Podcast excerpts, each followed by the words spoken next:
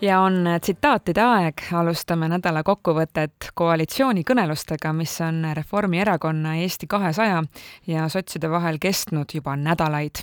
Eesti kahesaja aseesimees Kristina Kallas tegi Kuku pärastlõunale kokkuvõtte, millises seisus läbirääkimised on. Me oleme teemapunktid enamuses kõik läbi käinud, me oleme suures osas teemade osas kokkuleppele jõudnud nüüd need, mis üles jäid, olid kõik need teemad, need nii-öelda lubadused ja plaanid, mis nõudsid äh, mingeid täiendavaid kulusid riigieelarvest, ehk siis äh, täiendavaid investeeringuid. ja nüüd alates esmaspäevast oleme me siis ka Rahandusministeeriumi abiga vaadanud otsa tänasele riigieelarve seisule veel üks kord väga põhjalikult ja ka kohalike omavalitsuste finantsseisudele ja hakanud siis ühekaupa nii-öelda läbi arutama seda, mida me tegelikult siis saaksime teha, mida me ei saaks teha, et nii, millised on riigi rahalised võimalused nende lubaduste ja reaalsete suurte plaanide elluviimiseks. nii et selleks on läinud täna juba kaks päeva eile me natuke veel võtsime, näpistasime aega ka regionaalpoliitika aruteludeks, aga suur osa ajast läheb tõesti selle rahalise seisu ja rahaliste kulude ja tulude arvutamise ja läbirääkimiste peale koalitsioonipartnerid ongi rõhutanud, et ootavad edasiste plaanide tegemiseks Eesti Panga värsket majandusprognoosi. sel nädalal see saabuski. millist tulevikku Eesti Pank ennustab, rääkis Eesti Panga ökonomist Rasmus Kattai võiks öelda niimoodi, et eh, kõik, mis puudutab prognoosi, siis eh, loomulikult on üsna palju ebakindlust endiselt veel eh, maailmas, mis võivad prognoose kõigutada ühes või teises suunas, aga meie värske prognoosi valguses tahaks ka öelda niimoodi, et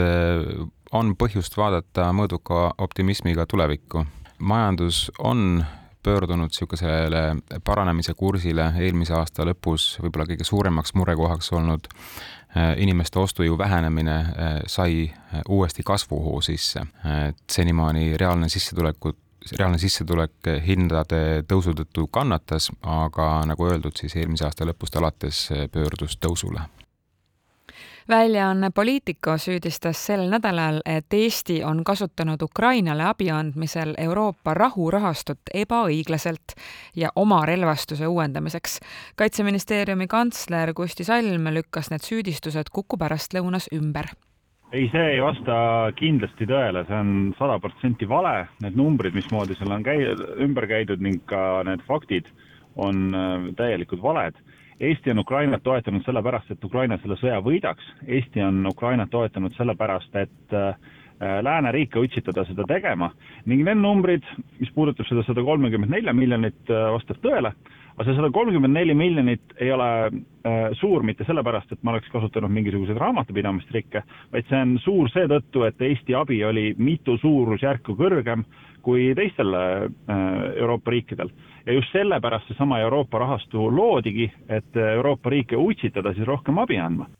liigume edasi välismaale. Prantsusmaal on olnud inimesed juba päevi tänavatel, et streikida uue pensionireformi vastu. näiteks on sealsed prügivedajad jätnud juba pikemalt äh,, pikemalt prügi tänavale vedelema. see on tänavatele toonud rotid. probleemi ulatust kommenteeris Pariisis elav eestlanna Margot Olesk kui me räägime Pariisi rottidest ähm,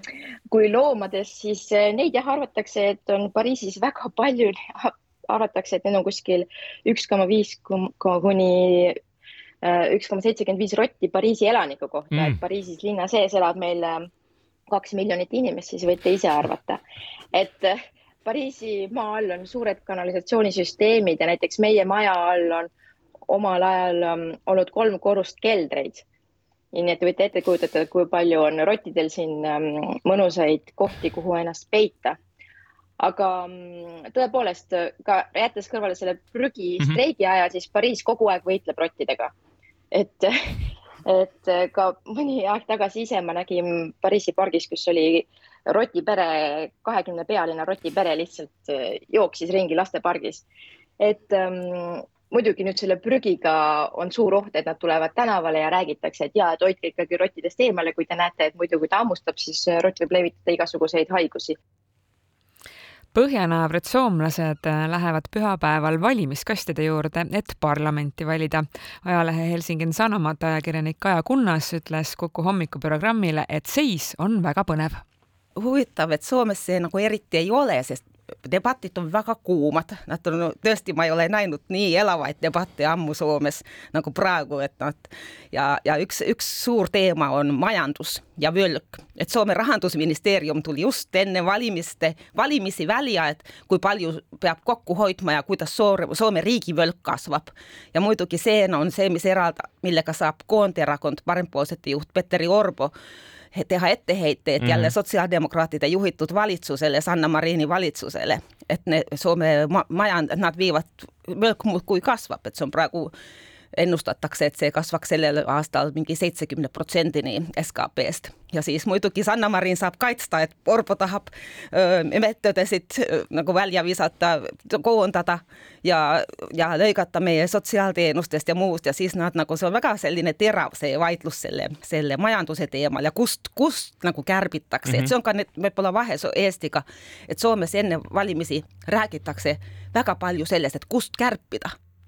ajal, kui mitmed tuntud söögikohad sulgevad hinnatõusu tõttu uksi, on mõned kohad, kuhu tuleb lausa saamiseks olla nädalaid järjekorras, seda ka hoolimata kõrgetest hindadest. kõrgeid hindu põhjendas Kuku hommikuprogrammile tippkokk Ormo Jah. et jah, me hinnastame asju noh, paraku ja, ja minu jaoks ka nagu on seda ju kahju teha äh, õigesti, kuna noh, mul on ju töötajad, kellega ma olen töötanud aastaid koos, äh, nad on tänaseks minu sõbrad-tuttavad, on ju Äh, ma tahan, et nendel oleks hea, äh, neil oleks palgad äh, korralikud, nad saaksid endale osta kodud, on ju, et, et võib-olla see, see maailm oli nagu tihti või, või vähemalt viimased kümme aastat veeres selle peale, et noh, et lähed mingi kõva peakoka juurde tööle ja siis nii-öelda töötad seal sellest prestiižist, on ju, et mm. noh, täna on maailm pannud nagu asja teistmoodi paika, et inimestel on noh, kokad saavad vanemaks, on ju, küpsemaks, neil tekivad enda nii-öelda sellised eraelulised naudingud, on ju, pered, lapsed. Ja noh, mina tahan nagu öösel magada, minu jaoks on see väga oluline ja, ja ma olen, olen nõus seda nii-öelda väljamüügi hinnas näitama, kui, kui ma saan äh, olla, olla nii-öelda rahulik ja mõelda, et näed, et minu töötajad on, on ilusti tasustatud